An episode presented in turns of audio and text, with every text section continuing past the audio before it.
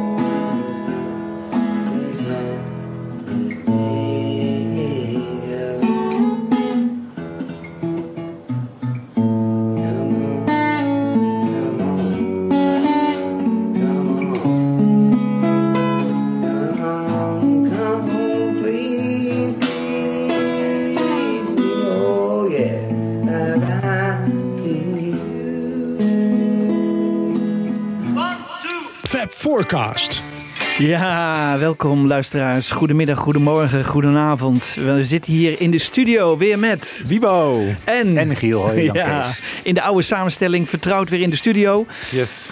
En eh, ja, we gaan het hebben vandaag over eh, eh, de eerste belangrijke single van de Beatles eigenlijk. Hè? Want alles is nu Get Back in deze tijden. Maar we gaan eigenlijk weer terug naar helemaal het begin.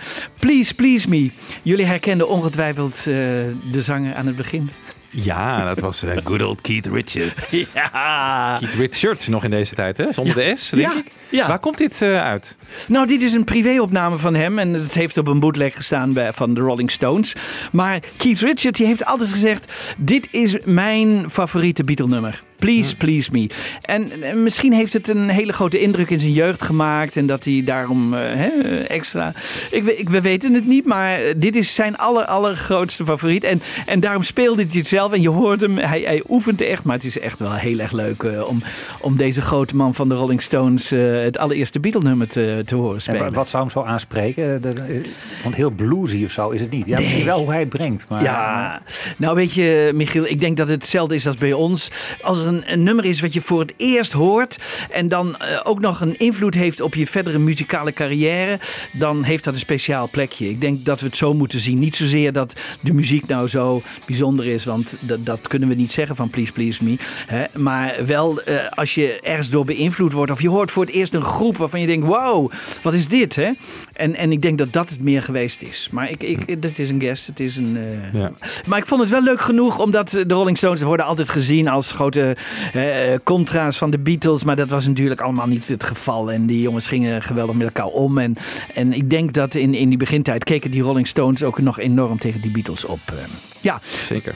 we hebben het dus over eh, Please Please Me. En eh, ja, dat is toch wel een mijlpaal eigenlijk in de Beatle-geschiedenis. John Lennon schreef het nummer eh, eigenlijk vlak voor eh, zijn eerste optreden in Abbey Road, hè, in de studio. Vlak voordat ze met Piet Best eh, daar naartoe gingen in juni. En hij heeft eh, inspiratie opgedaan bij wat artiesten. Wat oudere artiesten en wat jongere artiesten. Nou, we laten John Lennon even over aan het woord. Please Please Me? Please Please Me is my song, complete. Was my attempt at writing a Roy Orbison song, would you believe it? I wrote it in the the other bedroom in my house at Menlove Avenue in Woolton, which the, was my auntie's place, the suburbs. I remember the day and the, the pink eider down on the bed. And I'd heard Roy Orbison doing Only the Lonely or something. And I was trying to please me. That's where that came from. And also, I was always intrigued by the words of "Please lend your little ears to my please," the Bing Crosby songs. Mm-hmm. I was always intrigued by the the double use of the word "please." So it was a combination of Bing Crosby and Roy Orbison. Although the arrangement was made by all of us. You know, I mean, the song did not sound like that when I wrote it. It was just a basic whatever on a guitar. You know? Ja. Dus dit is een, een ouder interview met eh, John eh, Lennon. Eh, ik denk Playboy, ik weet het niet precies. Ja, volgens mij ook. 1980. 1980. Ja. Paul McCartney noemde ook dat nummer Please hè, van Bing Crosby, onlangs in een interview. Dat heeft dus ook op hem indruk gemaakt. Het was zo dat Julia, zijn moeder, was een grote fan van Bing Crosby. En dit nummer komt dus uit 1937. En die zat dus in de collectie van zijn moeder. En zo heeft hij de kennis meegemaakt. En laten we even een stukje luisteren naar Please van Bing Crosby.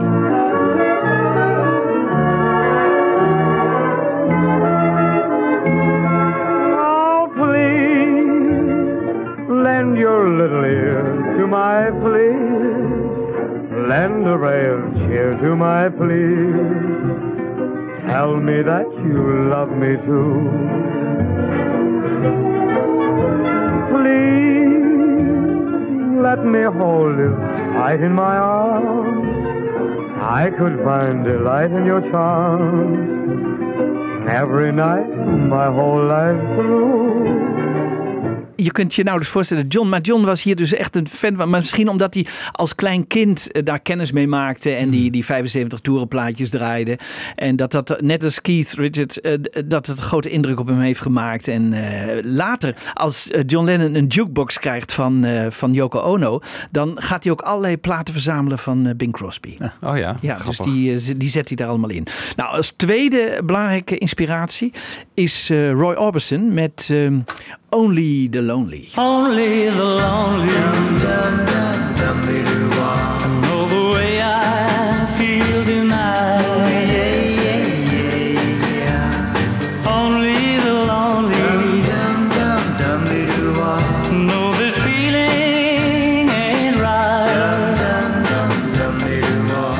hij schrijft dat nummer en een beetje dus in die stijl, die langzame stijl, daar gaan we zo meteen nog even verder op door. In die langzame stijl van Roy Orbison. Zo had hij het een beetje in gedachten. En de eerste keer dat eh, de, Beatles in de studio kwamen met eh, Pete Best, dat was nog in juni, hebben ze het niet gespeeld. Maar de tweede keer, op 4 september, hebben ze het wel gespeeld. Maar die eerste keer, toen ze in juni naar de studio zijn geweest, hebben ze het nog wel vervolmaakt. Want daarna, en dat schrijft eh, Mark Lewison heel mooi over, zitten ze samen met Lindy en Lou. Eh, Lindy Ness heet de ene, de, de andere weten we de achternaam niet van. Twee fans, die zaten in de, in de voorkamer van Forthin Road bij Paul McCartney. En daar waren Paul en John aan het componeren op 9 juni. Gingen ze de hele nacht door om dit nummer te vervolmaken eigenlijk. En eh, dat is wel grappig dat we dat nu eh, voor het eerst weten sinds het boek van Mark Lewison. Nou ja, en dan gaan ze op 4 september komen ze in de studio en dan laten ze het nummer aan George Martin horen. En die moet er eigenlijk een beetje op lachen. Die vindt het eigenlijk eh, veel te langzaam. Laten we George Martin daar even eh, over aan het woord. The music wasn't frightfully original. There were no great songs there. It was just the sound was interesting. I arranged a, recording test with them in Abbey Road number three studio, which meant I was going to spend a couple of hours with them finding out what they could do. They had a very, very funny version of Please Please Me, which was rather slow. Dit was dus eh, de middag van 4 september eh, 1962. Hè, dus het eigenlijk de tweede keer dat ze bij, in de studio kwamen. Dan eh, huurt eh, George Martin die huurt Studio 3 af. En da- daar oefenen ze de hele middag. En daar is George Martin bij. En dan die eerste keer dan gaat het heel erg langzaam. En die tweede keer, eh, dan is hij al sneller. Hè? Dan zegt George Martin, oké, je moet hem sneller maken. En dat is met Andy White. En de derde keer nemen ze hem op. Dus dit is eigenlijk ook weer een soort drietapsraket.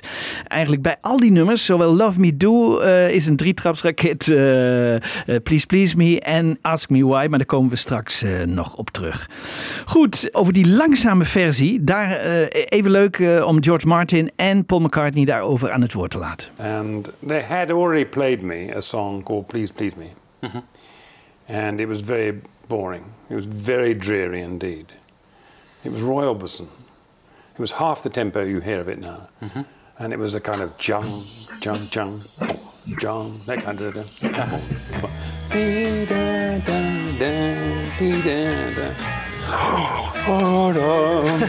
and uh, and I said to them that it was no good. I said, you know, if you, I said the song may be better if you double the speed of it, and then think about it again and bring it back to me. And George said, Have you got anything? We said, Well, yeah, we've got one we wrote ourselves. So, how'd it go? John went, Last night I said these words to my girl. Chum, chum, chum, chum, chum, chum. We're all doing that in the background, all looking serious. And then, come on, chum, chum, come on, please, please me. It's Roy Orbison, yeah.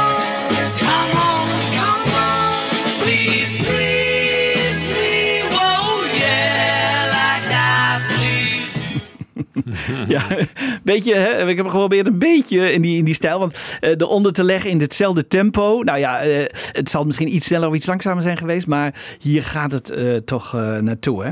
En ehm, dan worden de Beatles voor het eerst geïnterviewd.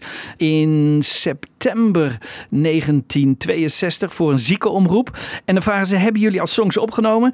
En dan zegt John eigenlijk heel grappig. Ja, eentje, maar die moet nog een beetje vervolmaakt worden. Dus dat is die langzame versie. En George Martin zegt nog een keer, ja, eh, je moet eigenlijk die speed eh, verdubbelen. Is there any more of your own um, compositions you intend to record? Well, we, we did record another song of our own when we were down there, but it wasn't it wasn't finished enough. So no, we'll take it back next time and see how they like it then. And I told them uh, it was no good. I said, if it's going to be, mean anything at all, if you double the speed, you might get somewhere with it.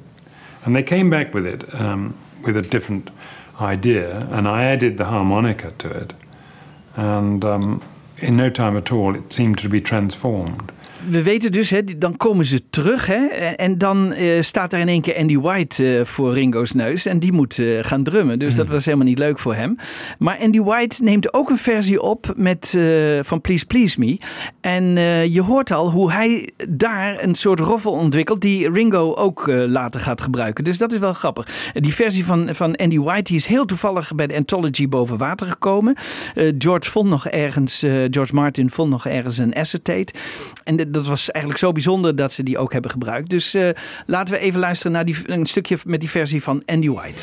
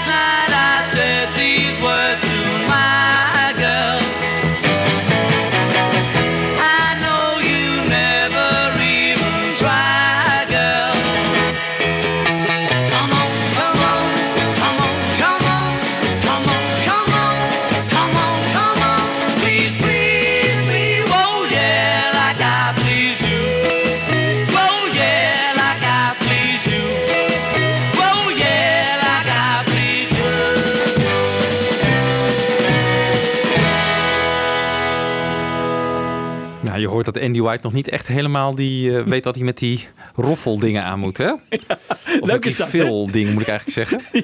ja. Doeke. Nee, ja, is leuk. Nee, dit, maar, maar dat het hebben is natuurlijk fantastisch, toch? Dat, Ja. Maar ik vind hem ook heel leuk. Maar het lijkt bijna een beetje. Ik, ik dacht eerst, nou, dat lijkt ook wel een beetje op Piet Best. Die kon ook van dat soort eh, rare uh, roffels. Nou ja, eh, ik, ik dacht ook dat het Piet Best was. Maar ik heb waarschijnlijk toen de tijd het boekje eh, niet goed gelezen of zo. En eh, al die jaren daarna ook niet. Maar ik dacht inderdaad, oh, dat, die Phils, dat is Piet Best. Ja, nee, het was dus eh, Andy White. En om even een vergelijking te maken tussen Andy White en, en Ringo Starr, heb ik ze allebei links van het spectrum met andere rechts van het spectrum. Maar het maakt nauwelijks uit wie wie is. Want je, je hoort eigenlijk dat ze heel erg hetzelfde spelen.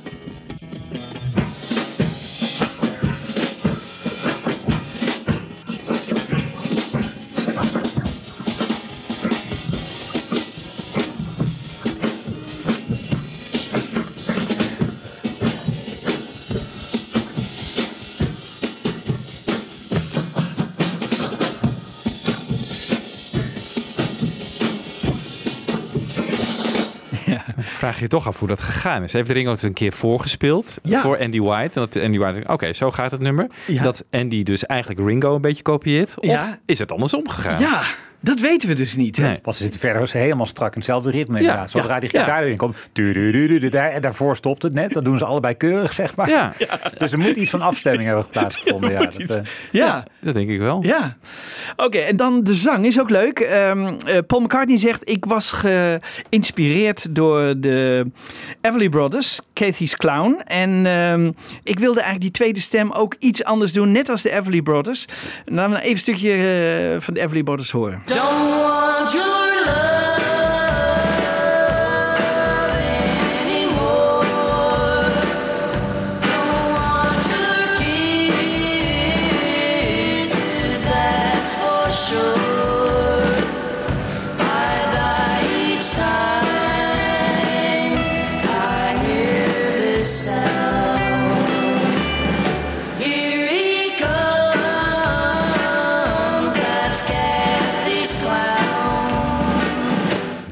Ook mooi hoor. Mooi hè? Ja. Ja, prachtig. Je hoort Prachtig. die hoge vocalen wel, dat Paul zich daardoor heeft laten inspireren. Dan zit hij ook steeds zo hoog. Ja, nou ja, we kunnen hem. Hè, want ik heb Bob de Jong gevraagd. Haal die stem. Dat is echt een ongelooflijk werk weer geweest. eh, moest hij die stemmen van John en, en Paul uit elkaar halen. Nou, misschien met de techniek nu eh, van Peter Jackson is het misschien allemaal wat eenvoudiger. Dat moeten we nog afwachten of dat ook op de markt komt. Maar hij moet het nog allemaal met de hand moest hij John weghalen. En eh, dan hoor je echt Paul McCartney op zijn manier zingen. En dat is, dat ja jongens, dit is weer een, een wereldpremière en het is zo ontzettend leuk. Luister maar naar Please Please Me, Paul McCartney.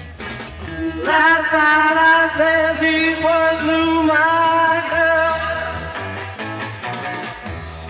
you never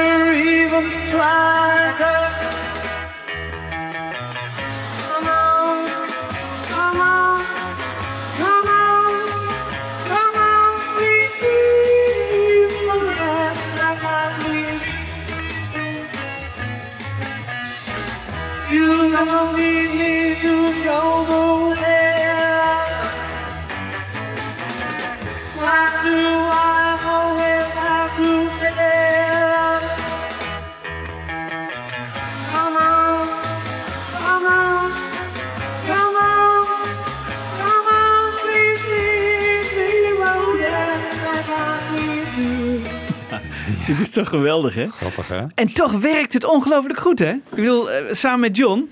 Want als we het in, stereo horen, dus, eh, eh, klinkt het nog niet zo mooi als het in mono. Maar je kunt het dus nu wel samen even met, eh, met John eh, horen. Last night I said these words to my girl. I know you never even tried, girl.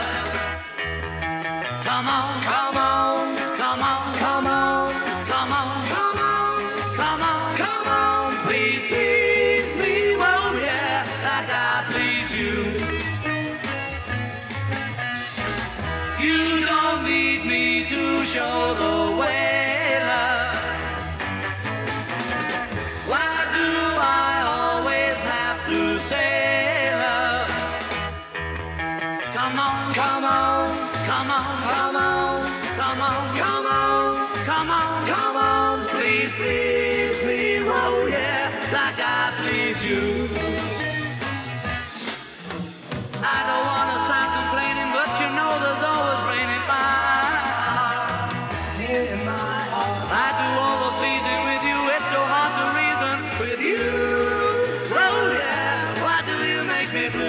Ja, jongens, het is. eh, en de ene hoorde je overigens John en George samen, hè? Dus, eh, want die, die zong ook nog mee. Maar die heeft hij niet weer ook nog eens een keer kunnen scheiden. Maar, Maar het is grappig, het is gewoon één rechte lijn bij McCartney. Ja. Er is weinig eh hoog Ja. en laag in. Ja. Ja. Ja. Ja. Ja. Maar dat werkt heel goed. Dat werkt heel goed. Ja. Ja, hij is daar een meester in, hè? En, en toen al, op jonge leeftijd, dat hij dat intuïtief aanvoelde. Oh, dat moet ik zo doen. En het, Ja. werkt, het werkt Maar dat zit in Cathy's Clown, zit dat ook, hè? Wat ik net Zit zei. ook. Dat, Ja. dat op één lijn zingen. Ja, dus daar heeft hij echt de inspiratie vandaan gehaald. dat Heeft dat goed beluisterd. Denk, oh, zo kan ik dat misschien doen. Ja. Nou, dan zegt eh, George Martin, hier hoort ook nog een mondharmonica bij. Laten we die los opnemen, dan zet ik die er later wel onder.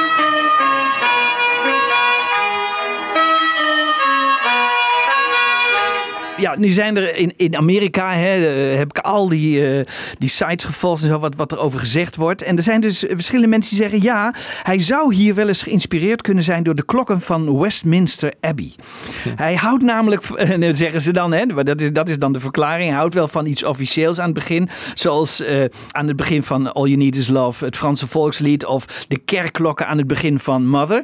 Nou, dus hierdoor zou hij misschien, eh, we weten dat, dat John die, die klokken goed Hij is een keer daar geweest, of eh, in ieder geval eh, wisten ze ook weer. En heel veel mensen in Engeland eh, kennen natuurlijk de klokken van Westminster Abbey. En die klinken als volgt.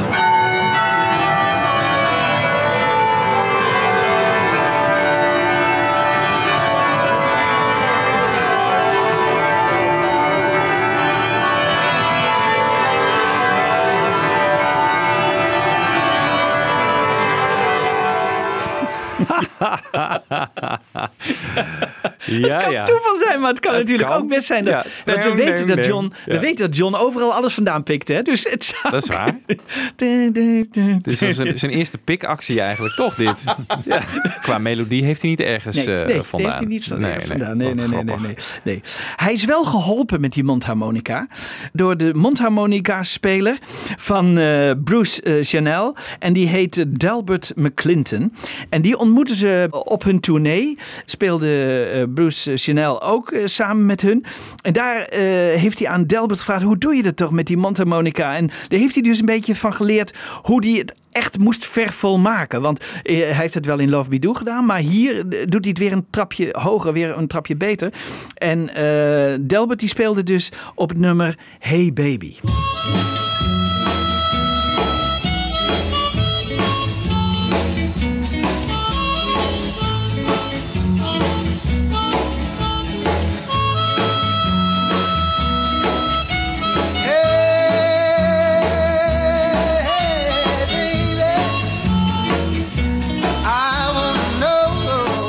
Later nog een keer gecoverd door Ringo, hè? Dit nummer. Ja, ja. ja.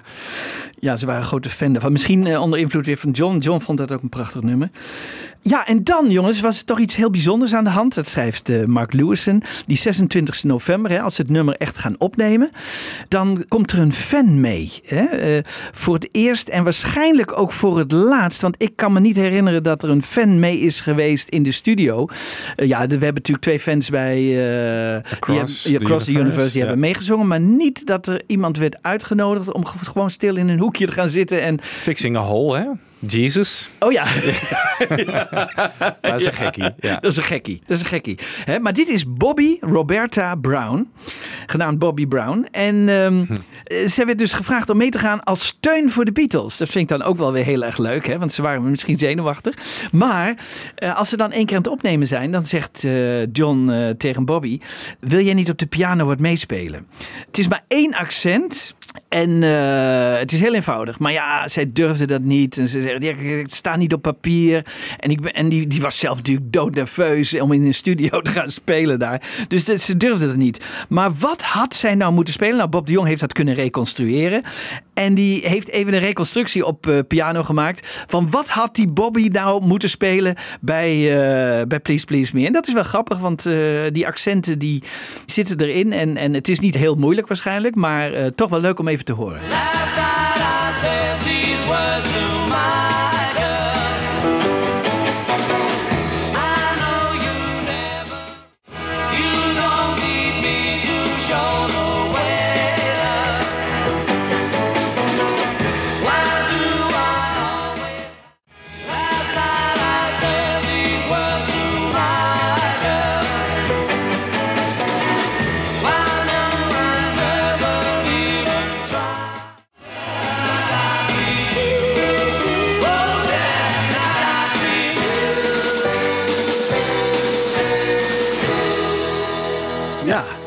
Heel erg moeilijk. Nee, Nee. maar voor een fan, ik kan me dat voorstellen. Hem met je grote idolen. En dan moet het goed zijn natuurlijk. Hè? Ja. dat is misschien Ja. wel. Maar ja, waarom George Martin het niet heeft gedaan, die had het ook dat vraag je af. Ja, die, ja, Ja. die zat natuurlijk wel in de controlekamer. ja. controlekamer, ja. Chaps, I have to sit here. Ja. ja, ja, ja, ja. Dus dan eh, staat het erop en eh, hij moet het later monteren. Daar komen we straks op terug, want hij gaat het later pas monteren. En dan komt hij nog met wat problemen te. Heeft hij nog wat- met wat problemen te maken. Maar dus voor de Beatles zit het nummer erop. En die hebben dus eh, alles op tape eh, staan. Dan gaan ze over op Tip of My Tongue. Hè? Het nummer van Paul McCartney. Niet het sterkste nummer van McCartney. eh, maar misschien zijn jullie wel een andere mening. We hebben het gehoord van Tommy Quickly. Nou, dat vind ik niet zo bijzonder. En er zijn ook maar twee versies van. Tenminste, die heb ik, heb ik kunnen ontdekken. Eén van Tommy Quickly en één van Bas Muis, een Nederlander. Ja. En die heeft het eh, een beetje in de Beatles-stijl opgenomen.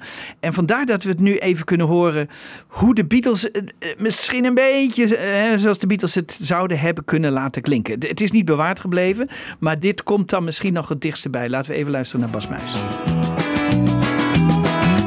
When I want to speak to you, sometimes takes a week or two to think of things I want to say to you.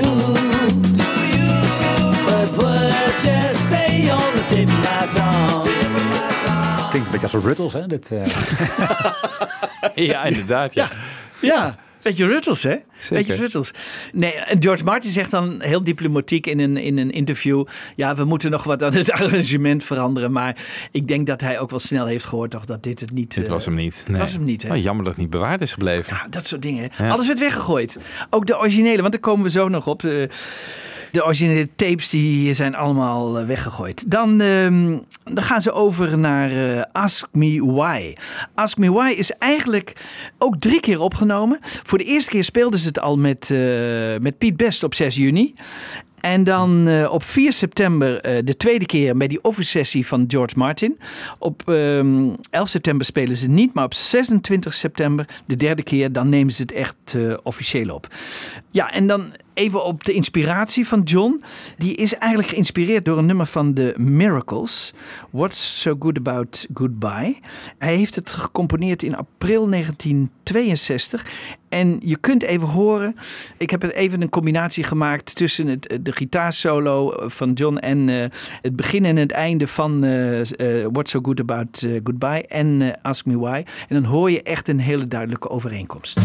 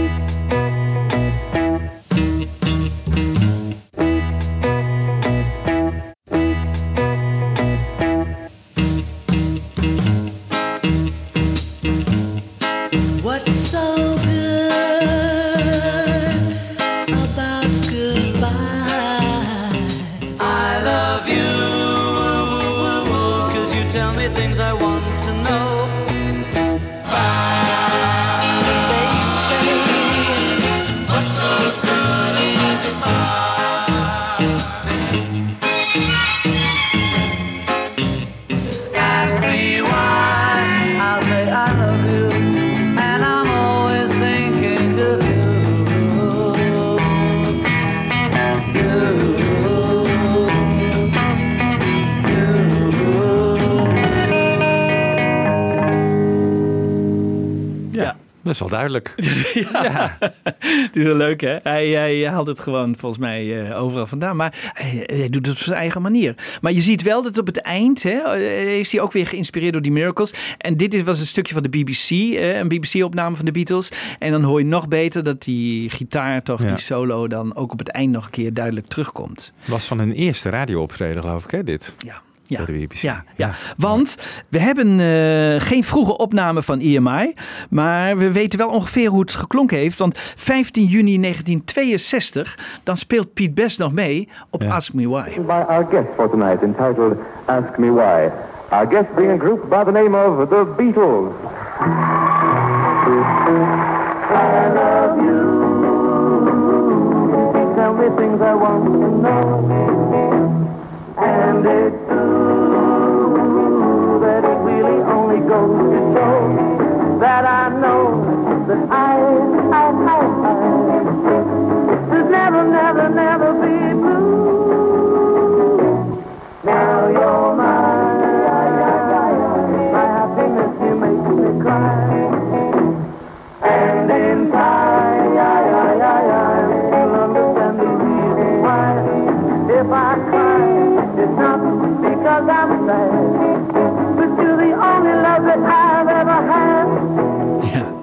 Piet Best. Overigens, en dat is wel grappig, want we hadden het laatst over Piet Best met elkaar. En toen waren de meningen wat verdeeld of ze Piet Best nog ooit ontmoet hadden. Ja. Nadat hij ontslagen was. Nou, Piet Best weet zich dat wel te herinneren. De Beatles waarschijnlijk niet. Maar Piet Best weet zich dat nog heel goed te herinneren. Did you ever play with the Beatles again after that? Yep, we did about. See, when I left the Beatles, or when they kicked me out, whichever way you want to take it, I joined what was, in my own opinion, the next biggest thing on Merseyside, which was a group called Lee Curtis and the All Stars.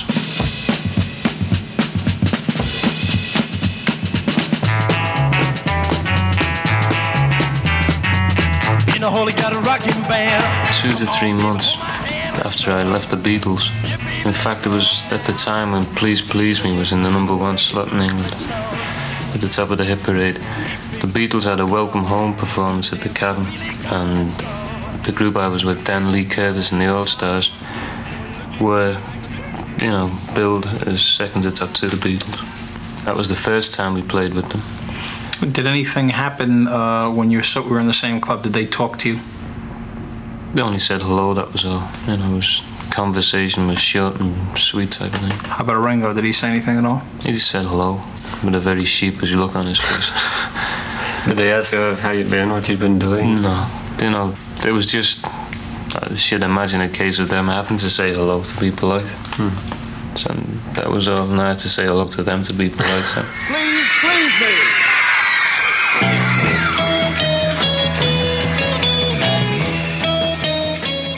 Ja.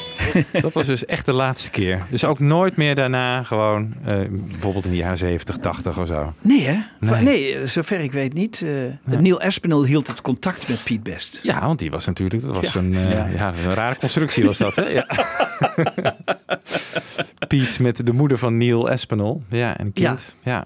Net 80 geworden, hè, onze Piet. Net 80 geworden. Ja, deze ja, week. Hij was, ja. Ja. oh, ja, ja, ja. ja. Misschien heeft hij nog een kaartje gekregen van Paul of zo. Hè? Ja. dat- Sorry we kicked you out. Nee, Ja. ik denk het niet, hè? Ik denk niet dat dat nog ooit.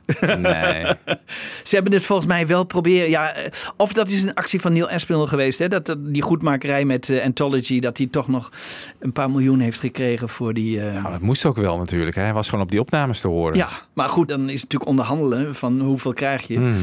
Ja, Ja. hij heeft Neil vast een goed woordje voor Piet gedaan. ja, precies. Want ja. Stuart Sutcliffe stond er ook op. Die heeft bijna niks gekregen. Hè? Dus eh, wat dat betreft, eh, Ja. er viel wat, wel wat onderhandelen. Ja. Ja. daarvan werd betwist of hij het was natuurlijk. Dat was een ander punt. je bedoelt Pauline Sutcliffe heeft niks Ja, ja. gekregen. Ja, hè? Ja, hè? De Erwin Oh. Sutcliffe. Ja. Ja, ja, ja, ja, ja, ja. Zie, kijk, ja, dus dan, dan viel er echt wel over te praten natuurlijk. Dus ja. Ja. Maar goed, we dwalen af. Ja, we dwalen af, want we gaan weer terug naar Ask Me Why. Meestal eh eh oefenden ze eerst eh, de backing track en die klonk ongeveer zo.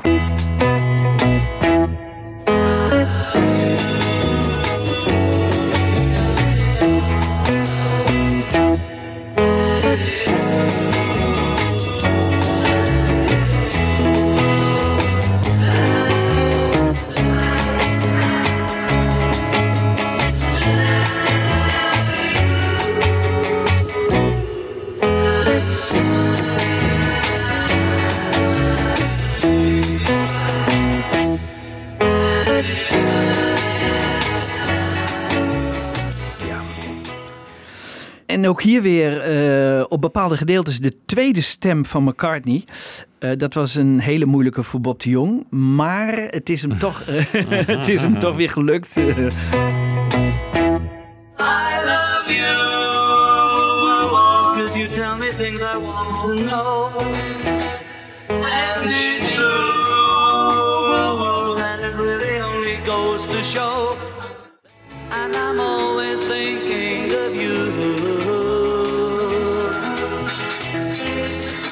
Can't believe it's happened to me.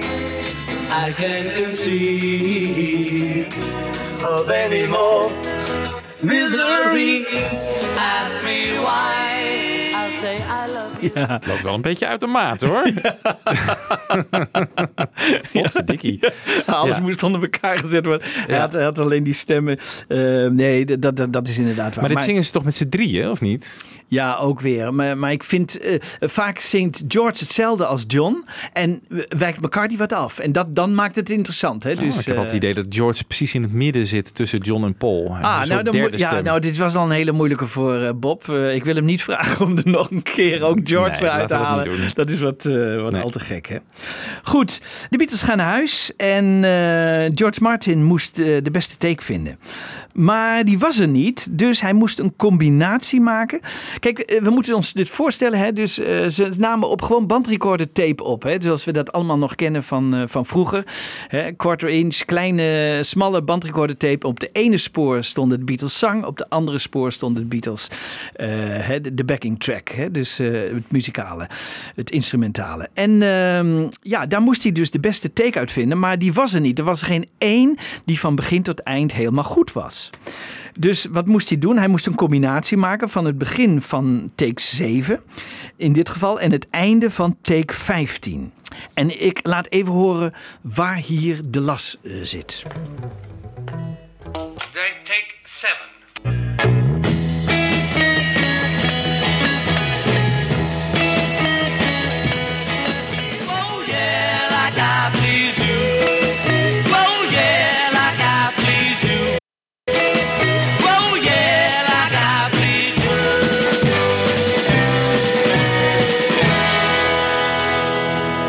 Het echt plotseling stilhield, daar zit de las. Daar zit de las. En dat weten we ook, en dat zal ik zo even. Maar het is wel grappig. Dus dat, dat einde, dat was waarschijnlijk moeilijk om dat toch heel goed te krijgen. Want het stond alleen op take 15 stond eh, dit einde echt, eh, nou ja, eh, zo goed dat hij het kon gebruiken. En ehm, ja, hoe weten we nou zeker dat die las daar zat? Want tien jaar geleden bezocht de BBC Abbey Road Studios Brian, oh nee, Simon Gibson. En die had ontdekt dat ze de las na 50 jaar, wat, die las ging wat rekken en dat, die moest weer opgekalefaterd worden. Dus, en hij legt even uit hoe hij dat heeft gedaan. Hi, welcome to Abbey Road. I'm Simon Gibson and I'm a surround mastering and restoration engineer. So, Simon, you've used some innovative new software to enable you to do this. Yeah, we use um, a software plugin on our main digital workstation which is called Retouch.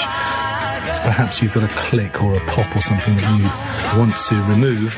And you can play the audio within this window. You can home in on the clicking. You can see it as a very short, sharp, vertical line in the image. And then you can draw effectively round that, and it looks left and right and interpolates clean audio and wipes out the click. So, by way of an example, you've got the track Please Please Me. Now, there's a particularly bad dropout on this song. That's right, yeah. If I play you the little clip. So, here's how we've come to know it with the dropout on the end of the high vocal on the words I Please You. So, it's on the backing vocal just on the word you, and it just drops away. So, we're going to listen to it one more time. And here's the same example with the dropout fits.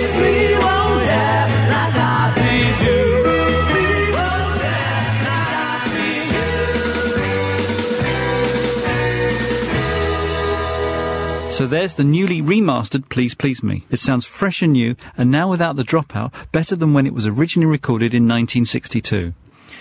Ik hoor het heel slecht hoor. Ik, ik, Mm. die drop-out, het is voor mij... eh, Was me ook aanmakkelijk. nooit in, het, in een oude opname opgevallen of zo op Nee, de LP. Nee. Nee, nee.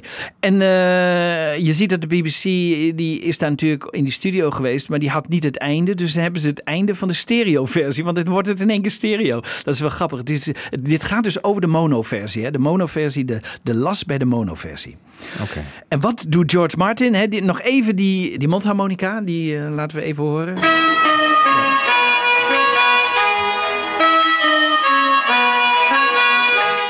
Kijk, die had hij dus los opgenomen door John Lennon. En die zette die dus over eh, de monoversie heen. Hè? Dus eh, hij start tegelijk twee bandrecorders. De een is dan eh, zonder mondharmonica en de andere alleen de mondharmonica. En die legt hij gelijk en die mixt hij dan. En dan gaat hij weer een stukje mono horen en dan legt hij het weer gelijk. Nou ja, dat is een enorm karwei geweest. En zo heeft hij dus die mondharmonica eroverheen gezet. Nou, toen was die monoversie was eigenlijk klaar. Dan eh, gaat er weer een tijdje overheen. En het is voor ons even leuk om nog even iets eh, aan te tippen. Er zit een leuk fragment in waarin we echt al een beetje de Beatles sound horen. Hè? To Reason With You. Oh yeah, weet je wel, die, die hoge, bijna het handelsmerk van de Oh ja. Beatles. Hè? Ik heb het er even uitgehaald. pleasing with you. It's so hard to reason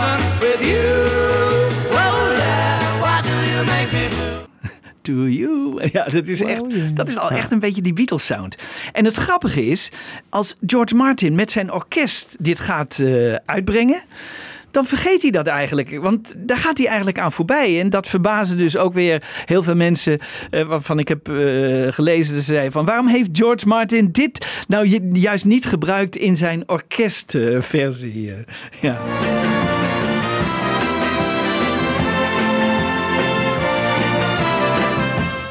Zie, hij gaat net niet die, Hij gaat niet die hoogte in. die hoogte in Ja, als, ja. als de Beatles. hè. Hij vlakt het heel erg af. Hij ja. vlakt het erg Ja. af. Ja, ja, ja. Maakt hij nou van alle Beatle-nummers eh, van die orkestversie? Want dit, dit lijkt wel een soort James Last versie. Want dit is. George Martin. Ja, dit is Ja. George Martin, ja. Hij heeft er wel eh, veel... eh daar verdiende hij zelf natuurlijk goed aan, hè?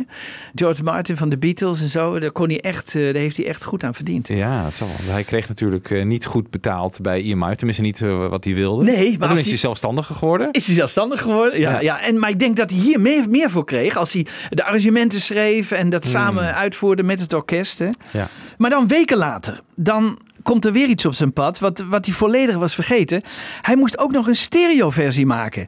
Want dan gaan ze een LP uitbrengen. En ja, dat was nog niet helemaal in de planning waarschijnlijk toen hij de montage maakte van eh, Please Please Me, de monoversie. Nee. En ook niet dat hij op die LP zou verschijnen. Dus, eh, maar toen kwam er dus in één keer een LP.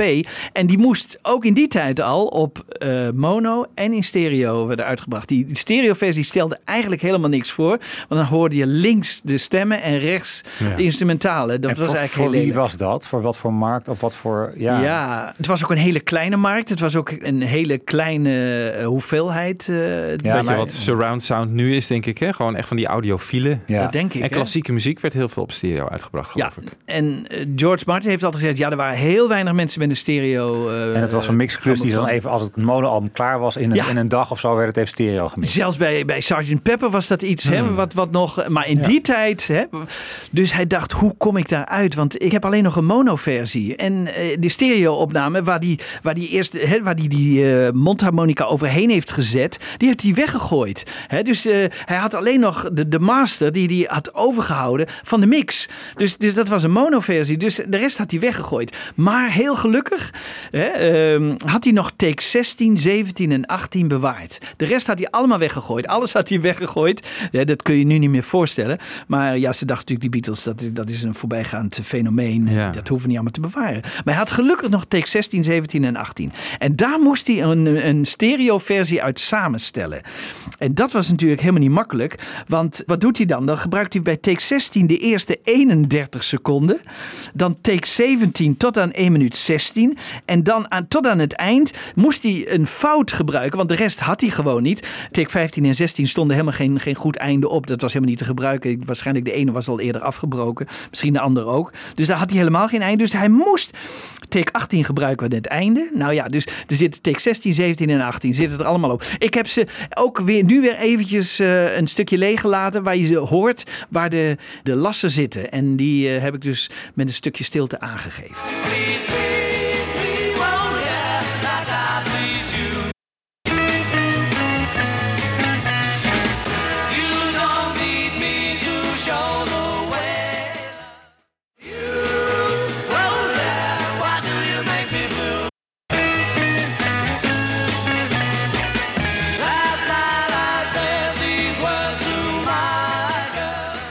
Waarom was het nou zo moeilijk? Want die take 18, die allerlaatste, daar zat duidelijk een fout in. Die eh, John zingt dan Why no I never even try girl.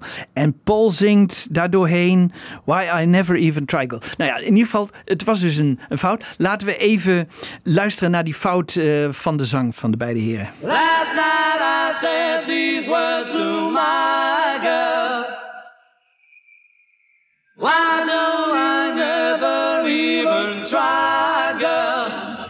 Ja, Why do you never even try? Zingt Paul volgens mij. Ja. Ja, ze zingen dus allebei iets Ja. anders. En eh, in de mono-versie hoor je dit. Last night I said these words to my girl. I know you never even try. I know you never even try, girl. Ik heb eigenlijk nooit geweten of bij stilgestaan dat er twee verschillende takes, of tenminste hè, die, dat die stereoversie zo'n samengestelde take-versie Oh ja. versie is. Ja. En heel anders dan de mono. Ja, ja. Nee, wat ja. grappig. Goed, hij had dus een stereoversie, maar dan zonder mondharmonica. Ja. Dus dat was een probleem. Dus die losse mondharmonica, die had hij ook weggegooid. Die had hij ook weggegooid. Dus, oh jongens, hoe moest hij dat oplossen? Dus wat heeft hij gedaan? Hij heeft de mono-versie genomen. En heeft de mono-versie over de stereo-versie heen gezet. Dus, maar dan in gedeeltes. Hè? Dus niet het hele, want het waren totaal andere tempo's. Hè? De, Ja. eh, Ze bestonden uit verschillende Hij had takes. geen Bob de Jong in die tijd die het even los kon trekken? Nee, en geen computer. Die, nee, nee, Nee. geen Bob de Jong die het los kon trekken. En geen computer waar die mee kon werken. Dus hij moest aan het begin eh, een stukje de mono tegelijkertijd starten met de stereo. En die toch op één spoor eh, duidelijk laten horen. Nou ja, afijn, het is een enorm karwei geweest. En dat was ook heel lastig om dat eh, goed te doen. Want kijk, dit is de, de mono-versie van de mondharmonica die, waar die mee moest werken. You. Don't need me to show.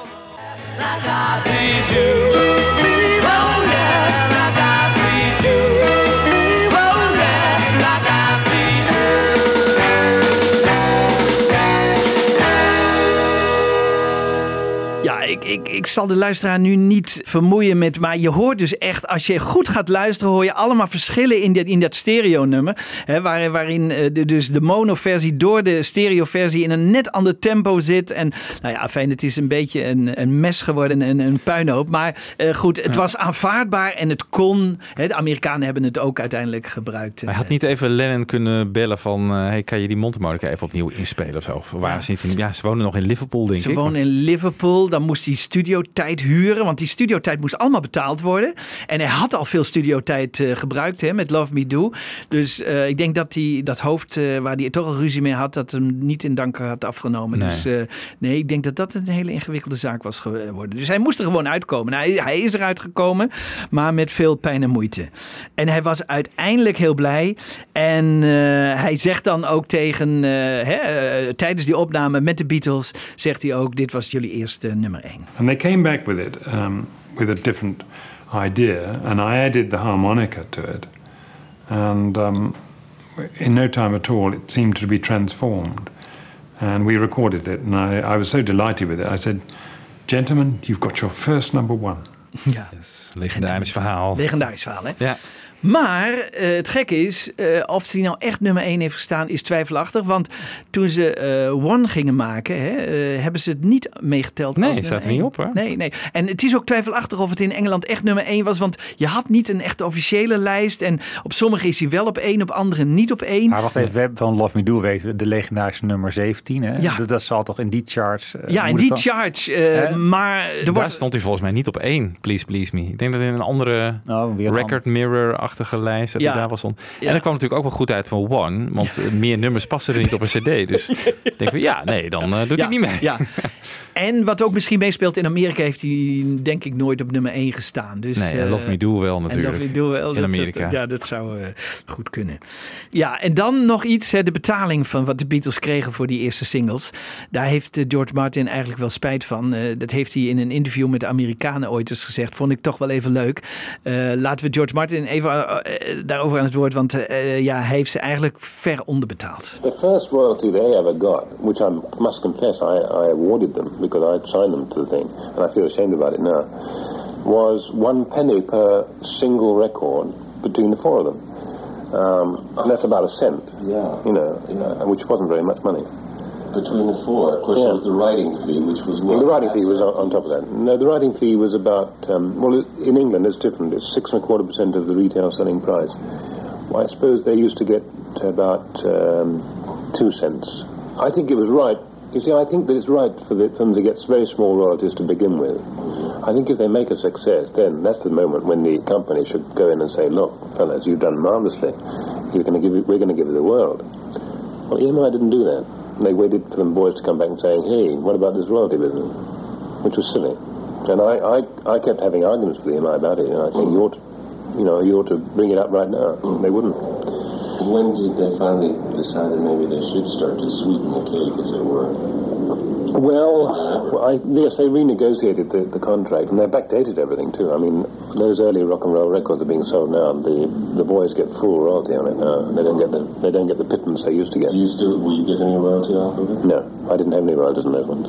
On the rock and roll album, there are some tracks which I get because they're later ones. But, uh, Het rock and roll, dat is- 70 al. ja, dus dit, dit is een interview uit de jaren 70. Hè? Ja. Dus dan is het rock'n'roll album net uitgebracht. En, eh, En dan zegt hij, daar krijg ik, toen kreeg hij wel royalties over die oude nummers. Niet allemaal. Nee. Niet allemaal. Ja, voor wat latere nummers begreep Ja, ik dat hij ik daar denk dus vanaf wel... 65, hè, wanneer hij Air heeft eh, opgericht. En, Ja, eh, dat dat denk hij, ik. Dat hij dan eh, die nummers... Maar, En, en nog even over die orkestplaat die hij maakt. Vanaf wanneer dat dateren die? Want heeft hij die dan in die airtijd gemaakt? Of Nee, die, daarvoor, nee, in 1963, 64 Ja. heeft hij al. Hè, want hij schrijft ook al voor de films. Hè, daar maakt hij ook al eh, muziek. Eh, nee, dus. eh, Dus de Beatles zijn, laten we zeggen, aan toeren. En dan gaat hij eh, op zijn James Last lekker de orkestbakken inzetten. Ja, maar die Ja. eerste platen eh, van George Martin, die zijn toch heel anders. Of de Beatle track. Hè, Ja, precies, ja. Die zijn nog echt met een band volgens mij gedaan. Hè? Dat This Boy of eh, Ringo's Theme, dat, dat klinkt nog helemaal niet orkestraal of Nee, zo. maar er zit wel een. Ja, zit er toch ook wel wat. Ook wel eh, orkestdingen Ja, op? zit ook Ja. orkestdingen Wel leuk om een keer in te duiken, die Ja. eh, George Martin plaat. Ja, Ja. ja. de George. Ja, hoe die. eh, ja. Ja, hoe die ze arrangeert dan bij de Beatles en voor zichzelf. Ja. Ja. Nou, je noemde net al een verschilletje natuurlijk. Dat Ja. hij die, eh, die hoge noot niet pakt in zijn orkestversie. Ja, ja. Dat is wel leuk, ja. Ja, nou, daar, daar moeten we eens eh, op ingaan. Eh, maar goed, eh, we hebben voorlopig nog zoveel onderwerpen. Man, het houdt niet op. Nee, nee. Hoe, even terug, jongens. Je- hoe kijken jullie terug op Please Please Me? Want Love Me Do had wel een... Hè? Jij, jij, Michiel, jij zei, nou, dat, dat maakt wel iets bij me los. Hè? Van, Maar ik vind je- het gewoon een heel opwindend en lekker doorstuwend nummer. Ik, ik kan het heel goed horen en ook heel vaak herhaaldelijk horen.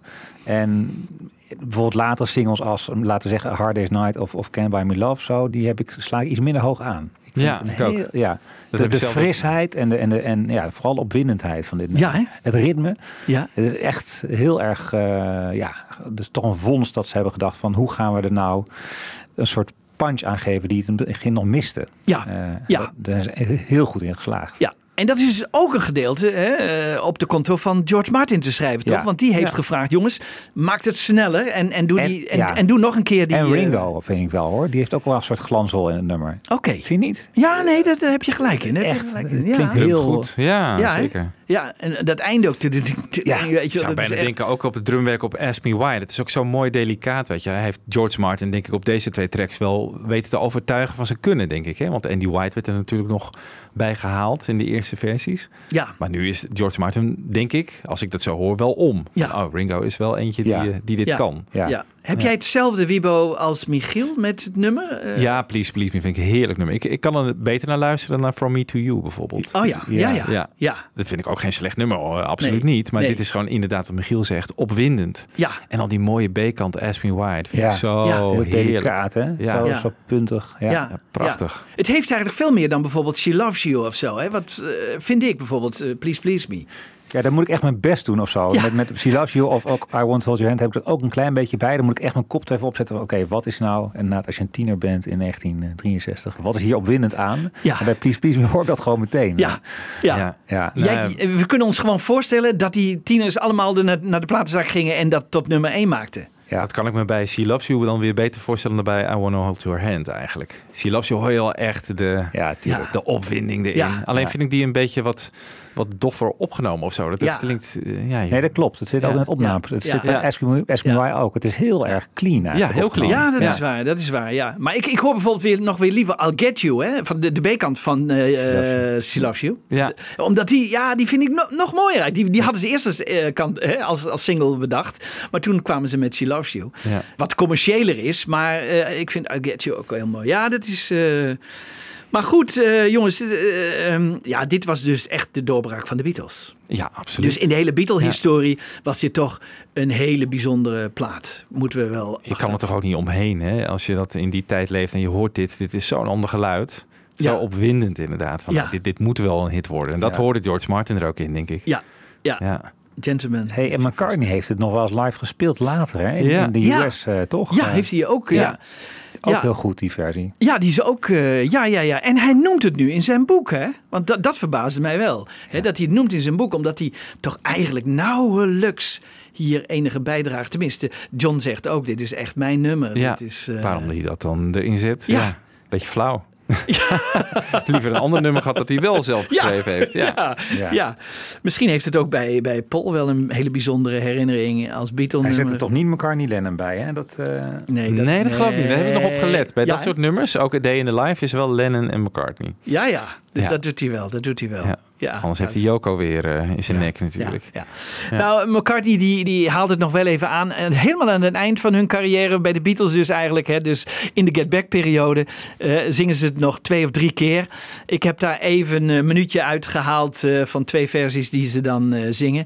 Ik wou daar eigenlijk mee afsluiten. En, Op naar From Me to You, op, toch? Op naar From Me to You. Maar ja, in hoeverre we daar de kans voor krijgen hè, in, in deze enorme hoeveelheid informatie die op het ogenblik op ons afkomt. eh, Ja. In alle mogelijke vormen. Maar eh, ja, we gaan anders gewoon door met From Me to You. Af en toe eh tussendoortje. Blijft leuk. Ja. En eh, wij willen afsluiten eh, met eh, Please Please Me uit de Get Back tijd. En eh, ik wou zeggen tegen luisteraars tot de volgende keer. Round!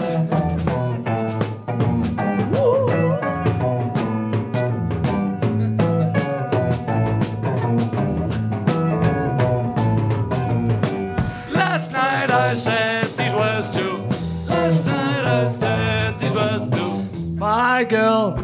Well, we'll have to do it sitting down. Oh, yeah. Or we get too excited. Oh, uh,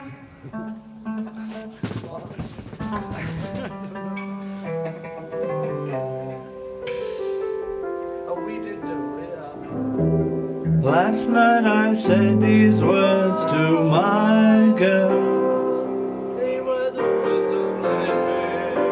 It was daft. You know you always make me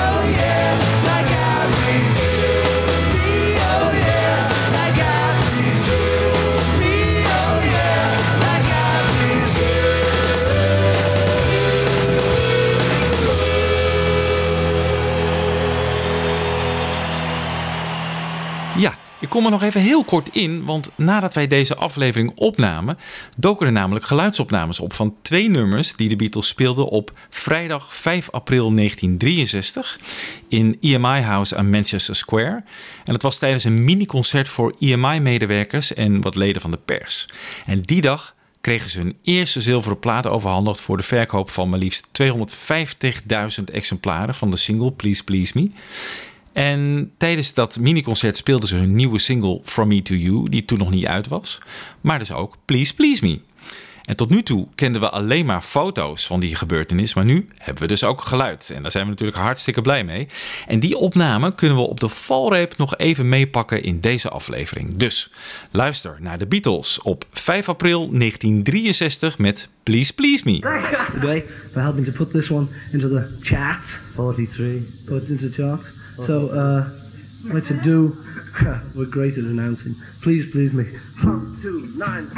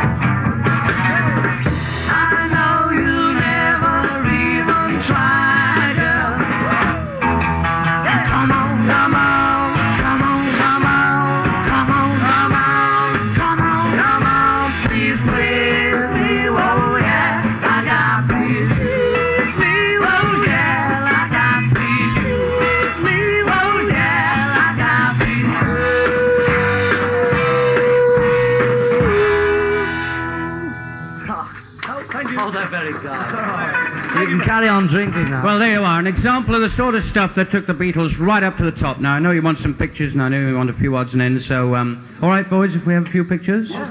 On cameras, with films. Fab Forecast. Geniet je van Fab Forecast? Laat dan een fijne review achter in iTunes. En geef ons meteen even lekker veel sterretjes. Dat helpt andere luisteraars weer om ons te vinden. Heb je vragen? Mail dan naar fabforecast.gmail.com of kijk op onze pagina's op Facebook en Twitter. En de afleveringen van Fab Forecast zijn ook te beluisteren via beatlesfanclub.nl.